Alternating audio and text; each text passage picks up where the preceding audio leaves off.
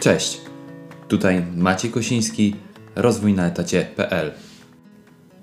Dzisiejszy odcinek rozpocznę od poproszenia Cię o wypełnienie krótkiej ankiety, która pomoże mi zaplanować dalszy rozwój podcastu oraz strony rozwójnaetacie.pl.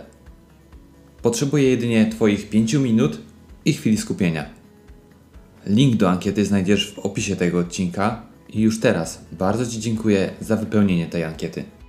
Zarządzanie czasem w pracy na etacie i nie tylko. Żyjemy w dużym pędzie i tydzień przemija w takim tempie, że sami nie wiemy, kiedy był poniedziałek, bo właśnie skończył się piątek, a więc kolejny roboczy tydzień. Niestety pęd życia spowodował, że od długiego czasu największą bolączką ludzi jest po prostu brak czasu. Ale czy na pewno brak czasu to największy problem? Zacząłem się nad tym zastanawiać i od zastanawiania przeszedłem również do obserwacji i analiz na gruncie mojej zawodowej ścieżki i doszedłem do jednego ważnego wniosku. Ludzie nie mają czasu, bo nie wykorzystują go w przemyślany i zorganizowany sposób. Dlaczego tak się dzieje i na jakiej podstawie wyciągnąłem ten wniosek? Otóż jest to pokłosie rozpoczęcia prowadzenia bloga rozwój na etacie.pl, który w ostatnim czasie odwiedziło wiele bliskich mi osób i z pełną sympatią pytali, jak mam na to czas. Bo przecież po pracy wykonuję również inne obowiązki, na przykład rodzinne, i staram się dodatkowo aktywnie spędzać czas podczas wielu treningów biegowych czy rowerowych. Pierwsza odpowiedź, która się nasunęła, to po prostu odpowiednie planowanie, odpowiednia komunikacja oraz odpowiednio postawione cele. Oto kilka istotnych założeń, które musisz zrozumieć, aby w ogóle zacząć podejście do zmiany zarządzania swoim czasem. Pierwsze. Zacznij od tego, że doba ma 24 godziny i jakbyś się nie starał czy starała, nie zmienisz tego. Wiem, proste i śmieszne, ale wiele osób nadal próbuje. Po drugie, pamiętaj, że 7 czy 8 godzin snu to jest zalecana ilość i nie jest ona przypadkowa. Zależna jest oczywiście od kilku czynników, ale spanie po 5 godzin na dobę nie wpłynie na ilość pracy, którą jesteś w stanie wykonać. Dlaczego? Otóż dlatego, jest to punkt trzeci, że na przykład finanse powinieneś, powinnaś rozpatrywać w skali roku, a nie tygodnia lub miesiąca, bo przecież możesz zarabiać x tysięcy, ale w ciągu roku jeździsz trzy razy na wakacje, które cię kosztują Y. I okazuje się, że w skali roku zarabiasz jak osoba z mniejszym doświadczeniem. Ok, masz wypłatę, masz wyjazdy, ale Twoje życie w skali roku powoduje, że finalnie masz tyle samo. A wracając do ilości rzeczy do zrealizowania, powinieneś czy powinnaś patrzeć nie w skali roku, ale w skali tygodnia. Więc nawet jeżeli w ciągu jednego dnia będziesz spać 5 godzin i zrobisz wtedy wiele zaplanowanych działań, to te 5 godzin snu odbije się na tobie w kolejnych dwóch dniach. I wtedy twoja produktywność znacząco spadnie. Koniec końców zrobisz tyle samo. W dzisiejszym odcinku, który rozpocznie serię o zarządzaniu czasem, podzielę się z Tobą pierwszym, niezwykle ważnym punktem, jakim jest komunikacja. Chcę przekazać Tobie kilka porad, które po zaimplementowaniu w życie z pewnością wpłyną na poprawę Twojego odczucia ilości posiadanego czasu. Ile czasu tracimy na nieporozumieniach, błędach w komunikacji i tym podobnych?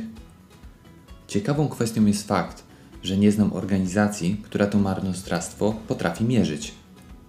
Problem zapewne leży w sposobie pomiaru i wyciągnięcia wniosków, aczkolwiek wnioski można uzyskać również z obserwacji i tym właśnie się dzisiaj posłużę. Zacznijmy od przykładu. Jeżeli jesteś pracownikiem, który właśnie otrzymuje od swojego przełożonego zadanie do wykonania i po ich otrzymaniu po prostu wracasz na swoje stanowisko pracy, już właśnie popełniłeś, popełniłeś błąd. Nawykiem, który ja również próbuję nabyć, jest to, że po otrzymaniu zadania do wykonania koniecznie powtórz swoimi słowami przełożonemu, co masz do wykonania. Bo przecież istotą rzeczy jest to, czy dobrze zrozumiałeś, czy zrozumiałaś jego słowa i czy aby na pewno niczego nie pominęłaś.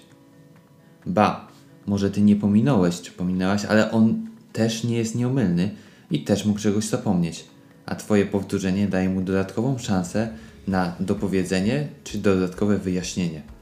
Cudowna sprawa. Jeżeli jesteś osobą zarządzającą, to miej na uwadze to, że nie każdy chwyta w locie i czyta między wierszami. To, co dla ciebie jest przecież zrozumiałe, niekoniecznie musi być takie dla twojego zespołu czy dla poszczególnej osoby. Zwróć uwagę na jasny i jak najprostszy przekaz na końcu. Postaraj się zebrać pytania. A jeśli takich pytań nie ma, to poproś kogoś z zespołu o powtórzenie. Jest to też pewien rodzaj skupienia uwagi, który powoduje dużą mobilizację. Proś o feedback regularnie, bo może się okazać, że nie zawsze to, co mówisz, jest proste dla wszystkich.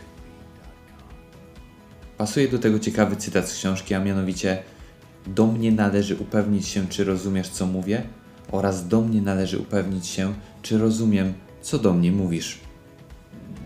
Kolejną kwestią jest planowanie spotkań, wyjazdów do klientów lub dostawców. Potwierdź to mailem, przypomnij kilka dni przed przyjazdem. Zwracaj uwagę na zajętość poszczególnej osoby, jeżeli masz możliwość analizy jego jej kalendarza. Jeżeli podczas planowania spotkania wiesz, że kluczowymi osobami są dwie osoby – X i Y, to wyślij najpierw do nich to zaproszenie, a po potwierdzeniu spotkania od nich dorzuć pozostałych uczestników. Będziesz mieć wtedy pewność, że kluczowe osoby pojawią się na tym spotkaniu. Dodatkowo dodam pewną sugestię. Jeżeli ktoś używa podglądu kalendarzy, nie wrzucaj czy nie wbijaj spotkań, mieszcząc się w jednym tylko okienku waszego uczestnika.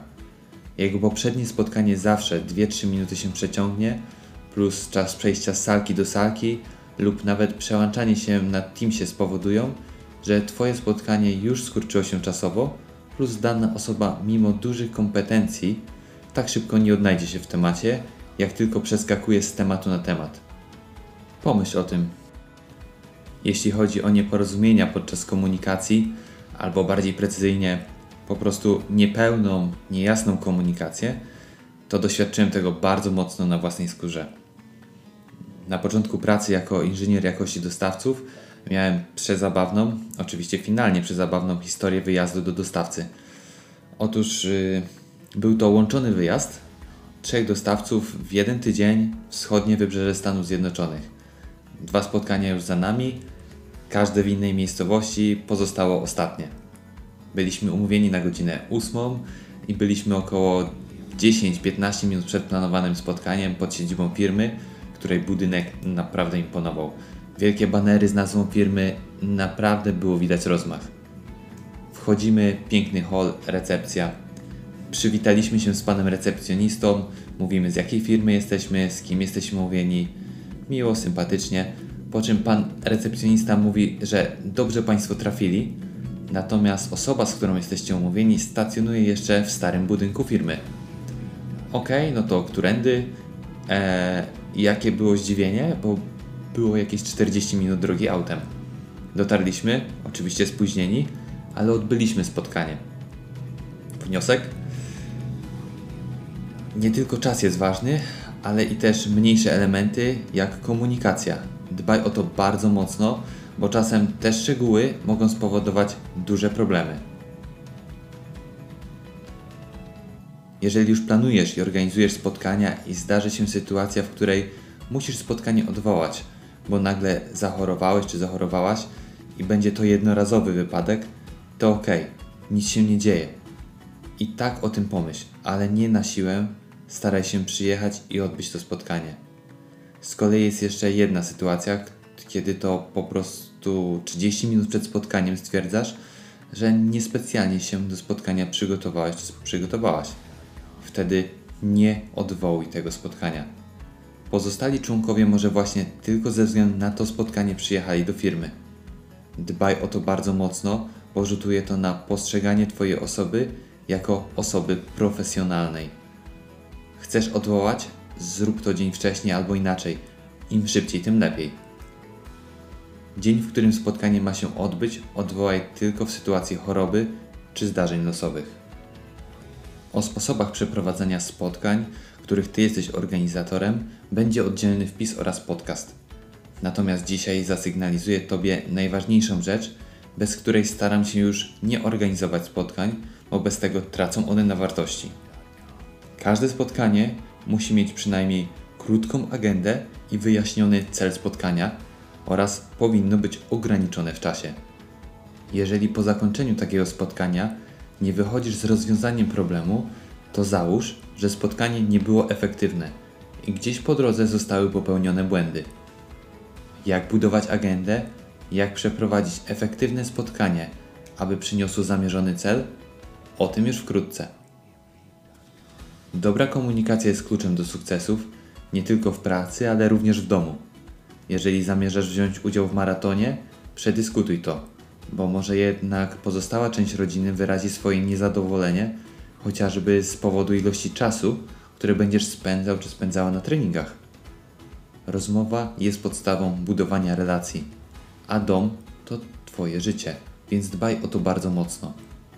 Staraj się, aby dom był odskocznią od pracy, a dobra komunikacja z osobami w domu była najważniejszym celem dla Ciebie każdego dnia. Rozmowa i komunikacja jest nieodzownym elementem zarządzania czasem i elementem rozwoju osobistego. Już jutro postaraj się wdrożyć tych kilka zasad. Jestem przekonany, że wpłyną one znacząco na Twoją pracę i na to, jak jesteś postrzegany czy postrzegana.